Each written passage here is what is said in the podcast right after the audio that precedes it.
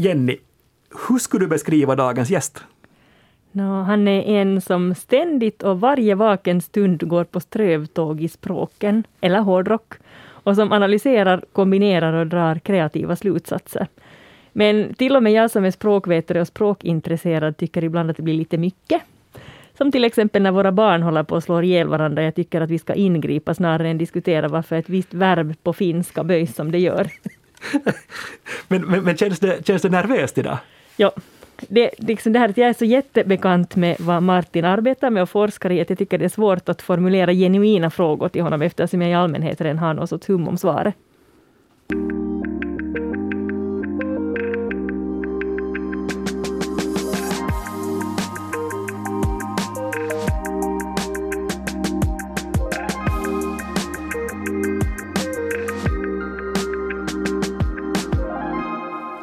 Näst sista ordet är här i vanlig ordning med mig Jens Berg och språkexperten Jenny Silvin. Hej. Våra lyssnare så vet ju att du och din man blev förälskade i varandra via texter och brev.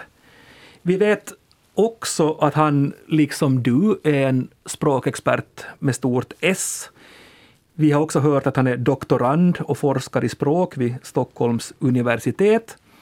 Och vi har också hänvisat till honom flera gånger här i näst sista ordet. Han har hjälpt oss när vi har kört fast med en fråga. Det här vet vi om dagens gäst och nu är han här livslevande i studion med oss. Välkommen Martin Persson.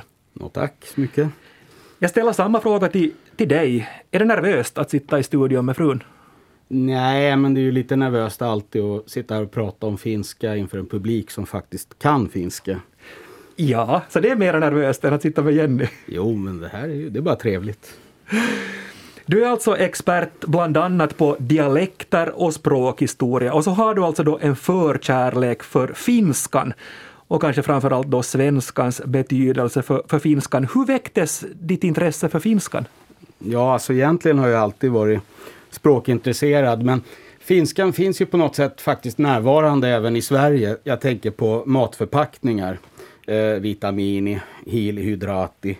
Och eh, eh, jag kommer ihåg att i Gamla stan i Stockholm när jag var liten så var det en skylt där det stod eh, Sorkirkon. Och liksom, så det alltid funnits närvarande.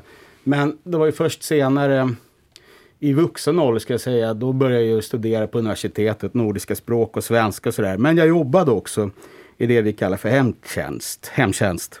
Eh, och då var jag hemma hos en gammal man från Viborg. Ja. Och han hade glömt all svenska så han pratade bara finska. Lite sluddrigt dessutom. Så jag tänkte nu måste jag lära mig lite finska för att kunna kommunicera med honom. Så då fick jag mest lite köksfinska får man säga. Veitsi, Boro, Ämpäri. Och liksom det var där jag började med. Jag lånade det som fanns och började lära mig finska. Så. Och sen har det ju då, nu har jag en liten Finlands koppling här i och med min fru så finskan är ju väldigt närvarande. Ja. Var det konstigt för dig det här Jenny när du träffade Martin att, att han hade så här bra koll på, på finskan? Alltså jag fick inte riktigt gå ihop därför att det är så ovanligt att svenskar kan finska och särskilt som du inte hade någon Finlandskoppling eller ens hade studerat det.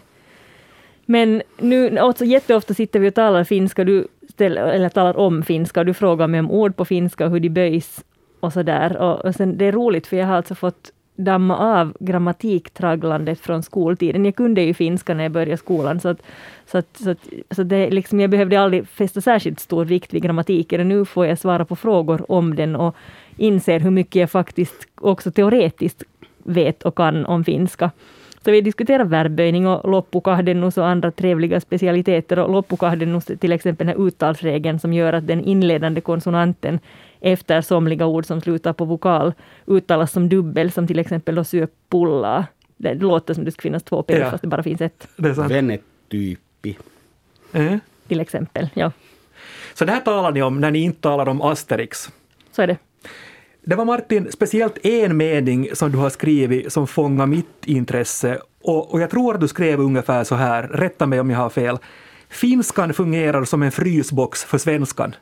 Ja, det är ganska roligt det där yttrandet för frysboxar har man ju knappt längre.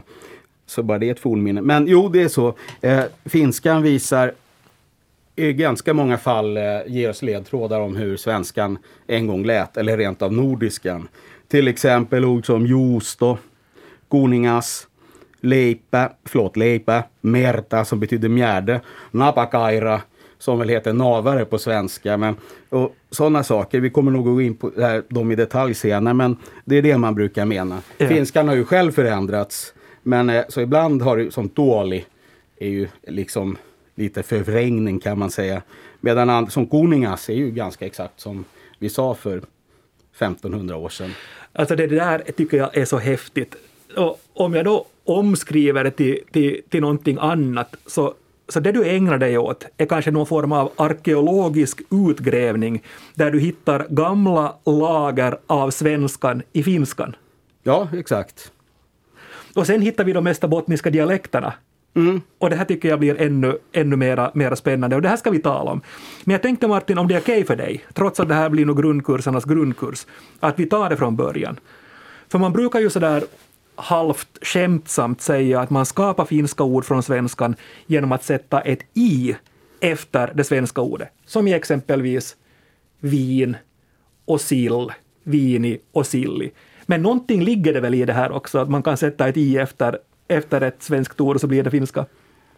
Ja, absolut. Det är massor med ord. Apelsini och harri, alltså fisksorten harr. Och det här verkar ju kunna ha skett lite när som helst där i påslaget. Det kan hända nu och det kunde ha hänt för tusen år sedan.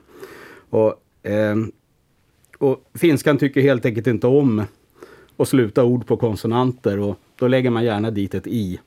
Möjligen är det så att det faktiskt är inlånat i bestämd form. Vad heter sillen till exempel i Österbotten?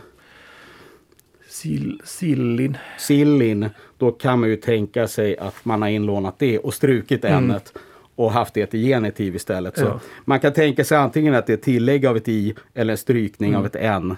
De flesta är inne på att det är ett Ja. i-tillägg. Eller sillor kan man kanske säga. Sillor, om det är många, flera sillar. Sillor. Ja. Oj, det hade en, en dansk vän till mig som sa posti, pankki och telefoni. ja. Men sen, eh, ibland blir det då ett a som tillägg. Som exempelvis i lejon och citron. Mm. Lejona, citrona. Och där har jag frågat folk som eh, eh, kan det här bättre än jag. Eh, varför är A där och inte I? Och faktum är att de har inget riktigt svar. Själv tror jag att det kan bero på att citrona skulle kunna tolkas som, nej förlåt, citroni skulle ju betyda min citron. Sant. Fast å andra sidan betyder citrona som citron. Så, men man vet inte. Men I är det allra vanligaste, Ja. men det finns också A. Men du sa, du sa här än Martin att finskan slutar sällan ett ord på en konsonant, alltså ett, ett finskt ord slutar sällan på en konsonant. Och sen är ju konsonanterna i sig intressanta, kanske speciellt F, som inte är så pop i, i finskan. Och då kan vi ta ett, ett, ett sånt ord som färg, som blev värg, där F blev, blev V. Och det här är ju ganska intressant med de här F och V. Mm. Eh, ja, alltså det är ju så att skillnaden mellan F och V är det vi fonologer brukar kalla tonlös och tonande. Stämbanden vibrerar på V men inte på F. Eh, och, så finskan har liksom bara V, så man får byta ut F mot V. Vikorna till exempel. Säger jag rätt nu? Fikorna Ja, alltså. ja. Och ett gammalt lån borde väl vara vanki, alltså fånge. Eh, nu kan ju finskan eh, uttala F, så vi har ord som friki. Men det är ju en nyhet skulle jag säga. Ja. Om man inte talar västfinska förstås. Ahvenanma heter väl Affenanma i Åbo. Om jag förstått det rätt. Så har jag hört sägas. Ja. Mm. Men, hur, Affenannas också. men hur är det där med HV då? Som, som, kommer, som kommer in exempelvis i ja, kaffe, Sohva. ja, Kahvi, sohva. ja. Pihvi, pohveli. Jo, det är spännande för eh, eh, det är F från början och det är tonlöst som jag sa. Och det vill inte finskan ha, så man byter till V. Men för liksom att rätta till det där lite lägger man in ett H. Och H är tonlöst. Så då blir det liksom, då får man all information som fanns i F. Fast man har delat upp det på två segment. Jag tror å ena sidan en tonlös, å andra sidan då en, en samma artikulationsställe i munnen. Just det. V bildas på samma ställe som F och H gör, lägger till en tonlöshet. Det är lite som ryssarna gör har jag förstått när de ska säga yxi. De delar upp det till joxi. Just det. Samma information finns kvar men man delar upp den liksom. Ja. Du har skrivit någonstans Martin att ett av dina favoritord är huilata från svenskans vila. Varför är huilata? Varför finns den på topp 10-listan din över häftiga ord? Jo, då får man tänka på att före 1906 så stavades det ju med H. Eh, fast vi uttalar fortfarande vila, men långt tidigare så sa vi någonting stil med huila, huila. Och det där verkar ju finskan ha lånat in i tidigt skede, men gjort om det här så att det blivit en liten diftong, så det blivit huilata. Ta är ju en finsk ändelse. Så huila har blivit huilata. Och det som är riktigt roligt är att det sen har lånats tillbaka till finlandssvenska dialekter. Så, eh, I Sibbo ska det heta eh, huila, till exempel. Att man huilar, ja. Så det är liksom pingpong och spännande ljudutvecklingar. Men, men har det där någonting att göra med, med, med ska vi säga, dialekter också, österbottniska dialekter och, och, och K-ljudet som kommer in före, före ett V? Ja, absolut. Det här gamla HV har utvecklats till KV i Österbotten och i, i nynorsk och på färöiska och så vidare. Så, att, så när vi talar om, om, om vila, eh, som var då hvila, så, så då är det i, i exempelvis Närpesdialekten kvila och det är liksom samma fenomen mm. som, det, som det handlar om, men att då är det ett K som är med där. Exakt. Och kvuila på färöiska. Kvuila på mm. färiskan. Mm. Mm. Och, och, på samma sätt som man i Närpes säger också att, att, att kva eller, eller kvadan, eh, kvadan, kva, kvadan kommer ifrån, var, varifrån kommer, kommer då kvaeje, vad, vad, vad är det här? Jo, och det där är ju uråldrigt, det är alltså för indoeuropeiskan. Vad på eh, latin eller italienska heter ju quo. Det är alltså samma inledning där som har utvecklats åt olika håll. Det här var grundkursen, nu ska vi gräva vidare.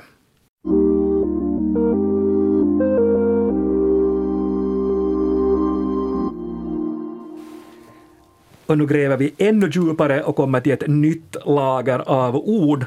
Och det handlar om ord som slutar på bokstaven U. Som i till exempelvis då lampu, piippu och katu. Alltså lampa, pipa och gata som har lånats in till, till, till finskan. Och det är väl Martin nu på riktigt sådär som vi börjar hitta den gamla svenskan i, i de här orden. Alltså vi kan börja härleda ännu tydligare hur den gamla svenskan lät genom att titta på de här finska lånorden. Mm.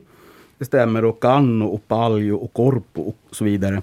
Eh, jo, vi, faktum är att ja, ni, alla lyssnarna vet ju att finskan har någonting i stil med 15 kasus och att svenskan inte har det. Men eh, vi hade ju det i fornsvenskan. Vi hade nominativ, genitiv, dativ och axativ.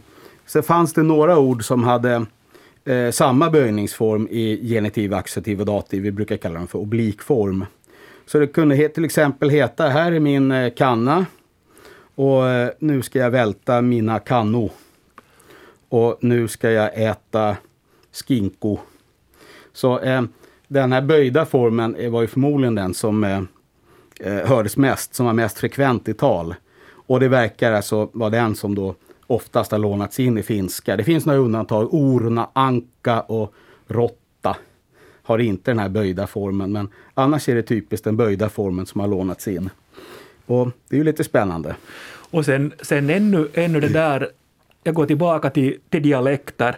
För, för, för till exempel en flicka, så en flicku, mm. äh, myssun, äh, in, instugu, i stugan, instugu, och, och sen kan stugun vara, vara byggd av plankor, in planko och, och i taket kan en lampu hänga. Alltså det är jättefascinerande att den mm. finns där i, i, i, i de österbottniska motsvarigheterna till det här. Exakt, så om man inte går eh, om man inte kan gå djupare så är det lite svårt att veta om det är ett fornsvenskt lån eller om det är ett dialektalt. Eller så kan det ha kommit in två gånger. Det kan man liksom aldrig riktigt veta. Nej. Det är just det lanku som låter, alltså planko låter just precis, jag menar lanku, för att finskan ogärna har flera konsonanter i början av ett ord så hade då, ja. så det är bara en. Så i planko en lanku. Men sen finns det några andra eh, ord som kuningas, rengas och valas som slutar på ass. Eh, och det betyder ju ingenting i finskan, den här ändelsen vad jag förstår. Men det där är alltså från ett ännu äldre lager som är kanske 1500 år sedan. Och as då har, eller AS som vi förmodligen sa då, har eh, markerat eh, nominativ. Alltså vem som gör något. Så det här vallas, det är det som då på färöiska nu heter kvällor. Men svenskarna har då släppt det här, så vi säger ju bara val. Men finskarna har alltså varit vänlig nog att bevara hur vi sa för 1500 år sedan ungefär.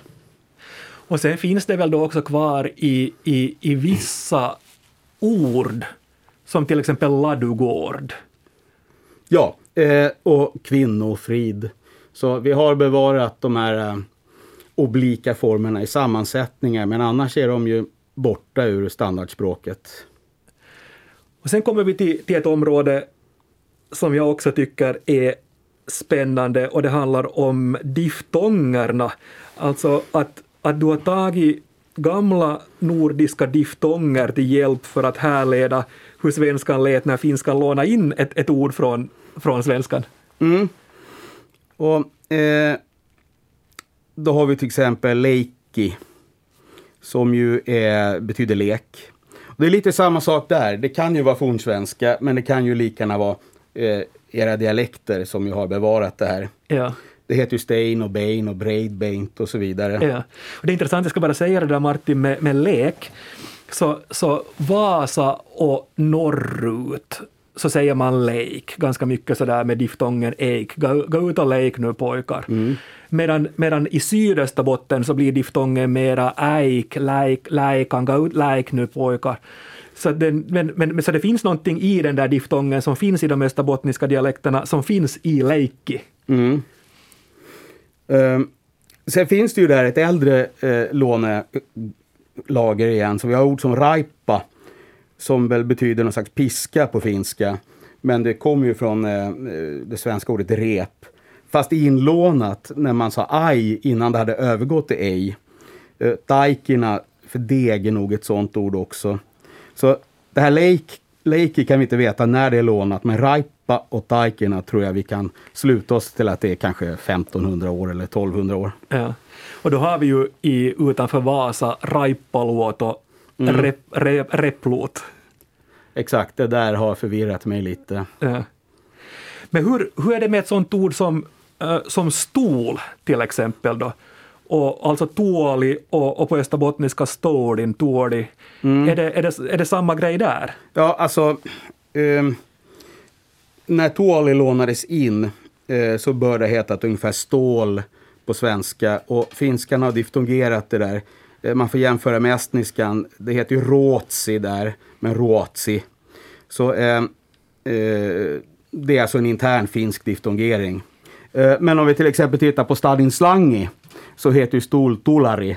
Så där har man lånat in den moderna vokalen.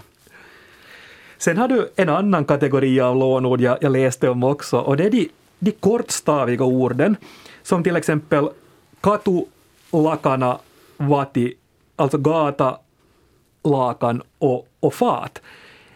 Sa vi alltså så här i svenskan, kan du tänka då för, för flera, flera hundra år sedan, att de här var kortstaviga också i svenskan? Absolut, det, de stämmer rätt bra och ni har ju bevarat rätt mycket kortstavighet här i Finland också. Speciellt fat tycker jag om. När jag, det visste jag inte riktigt vad det hette på fornspråket men när Jenny lärde mig att det heter vati då kom jag att tänka på min skånska farmor för hon sa "Eh, Martin, tar du ner färdet? Och, och då insåg jag att det här måste vara en gammal kortstaving för annars hade de sagt faded. För det heter Mm. mad, men färd. Mm. Så eh, det korsbefruktar varandra så det går lite som fyrverkerier i hjärnan när jag lär mig vissa ord. Jag kan tänka det. Men det där stämmer ju Jenny nog med de här, med de här liksom kortstaviga på, på dialekter, inte bara österbottniska. Pluta och pota och, och hosa. Och hosan är ju sen en försvenskning av finskans hosua. Så där är liksom vi har, ja, Ja. man, att, att, att skynda, liksom, skynda slarvigt. Men de här, de här kortstaviga så, så finns minsann i de österbottniska dialekterna. Jag, jag, jag tänker på, på, på de här exemplen nu om, om, eh, om fat och, och, och lakan. För, för där blir det ju kortstavigt att det är lakanen och, och att det är fatet. Att, att vann, vann är fatet och tar du fram lakanen. Mm. Så, Och utifrån vad jag vet om fornisländska så borde du säga tala också. Eller något sånt. Det sägs nog. Mm. att du Att talar. tala, ja. Ja. Fast det blir mera här. Ja, det kan hända. Ja, just det. Ja, Mm. ja, Södra jag ser Finland nog kanske, talar, ja. ja. Öst, Östnyland. Ja, kanske det är överallt. Ja. Sen en annan sak som, är, som, som också är, är, är fascinerande med din forskning, så är hur du åldersbestämmer lånord utifrån ske-ljudet, eller avsaknaden av ske-ljud. Och, och du säger till exempel att det är sannolikt att ordet kinko, alltså skinka, har lånats in tidigare än sivo, skiva. Mm. mm. För eh, eh, vår stavning avslöjar ju hur saker och ting har uttalats en gång i tiden. Det har hetat stjärt och skinka och så vidare. Och, eh, så jag utgår från att eh, vi har sagt skinko, ja i böjd form då, och då har du bytt, får du uttala skinko på finska. Medan ett ord som eh, eh, sopi och sermi som ni får översätta åt mig. Förmodligen, det är ju, eller det är inlånat från shubb och skärm, någon slags skärm. Och det måste då ha skett mycket senare när vi har övergått från sk till ske-ljud. Ja. Gotti Gary är ett bra exempel. Gary måste ha lånats in när vi faktiskt sa Garra. Ja. Ser, ser du Jenny av det här i, i, i, Men jag i tänker till exempel att? Borgå finns ju, alltså med det uttalet, alltså vi säger ju inte Borgå, vilket är ju då, det här är ju också ett, ett gammalt uttal som ligger kvar och sen till exempel på många håll i Östnyland eller Nagu talar man ju om körkun och, och keppar till exempel istället för kyrkan och käppar. Man har de här hårda, Ja, det är hårda sant. K-uttalet. Men, men gäller, det är jag nyfiken ännu på, att, att gäller, gäller samma grej, samma regler för, för nyare påfund, nyare ord som exempelvis choklad och färgen orange, alltså sukla och orange. Alltså är det samma, samma logik där med, med, med någon form av ske-ljud? Ja, det skulle jag väl säga. Finskan har ju inte riktigt eh, infört det här ske-ljudet. I schack kan man säga schacki. Och det finns väl några ord till, men annars så eh, är det väl S som gäller. Men jag misstänker att eh, kommer det nyare lån nu från engelskan eller så, så blir det kanske ett ske-ljud av något slag. Ja. Jag tänker just att det är, ju, inte- det är ju inte längre svenskan som är primär långivare i finskan, utan de flesta ord kommer från engelskan och andra språk. Att samma ord kommer visserligen in i svenskan, men finskan sneglar inte nödvändigtvis på svenskan när de här orden lånas in. Vilket sen igen påverkar finlandssvenskan som tar intryck från två håll, både från engelskan eller, eller långivaren och sen då från finskan. Till exempel kallas app ofta app på finlandssvenska därför att man säger appi på finska. För appi funkar inte för det är en upptaget i betydelsen svär som förled, alltså gjorde svärförälder och svärfar. Så därför har det blivit appi på finska och följaktligen app på, i mångas finlandssvenska trots att man i Sverige då säger app. Mm. Jag tänkte som avslutning här ställa en sån här fråga till er. Bland alla de ord som eh, finskan har lånat in via svenskan eller med svenskan som, som, eh, som omväg från någonting, från någonting annat. Så vilka favoriter har ni? Alltså har du Martin, att du var inne på huilata, att det var ett som fanns ganska högt på din topplista, men vilket ord kommer, kommer högst på din lista? Ja, det kanske är ryku. Ehm, Eh, jag frågade igen en gång vad brygga heter på finska, så sa hon laituri, så tänkte jag nej, det var tråkigt, det borde heta ryky. Ja. Om man tar alla uttalsregler och förändringar som ska in för att göra ett finskt ord så borde det bli ryky.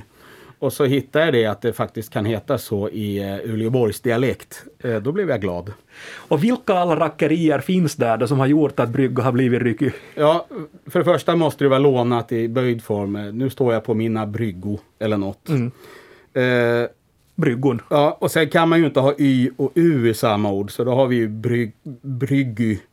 Och man kan inte ha två konsonanter i början, så blir det ryggy. Och vi kan inte ha g, så det blir ryggy.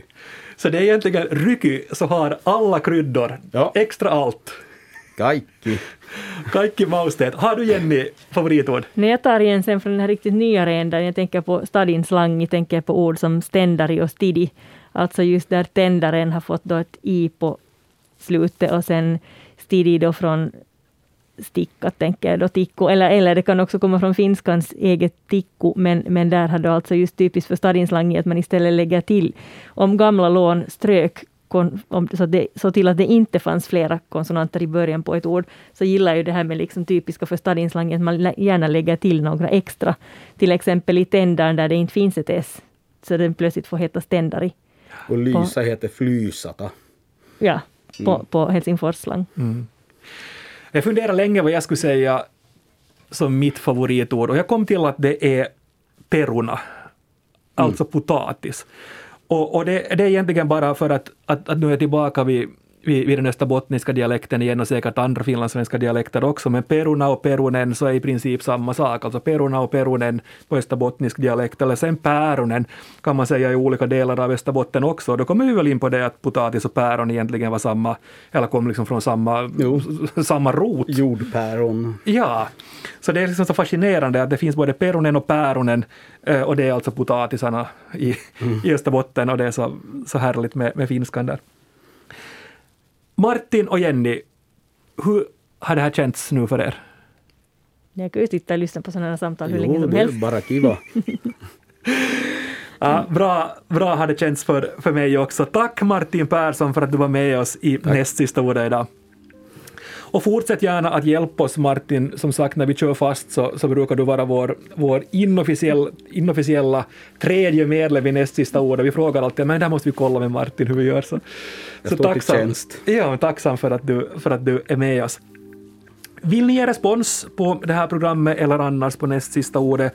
Eller vill ni ställa oss språkrelaterade frågor eller önska ämnen? Gör det gärna. Skriv då till oss på nastsistaordet yle.fi. Men nu för denna gången säger Jenny och Jens morgens. morgens.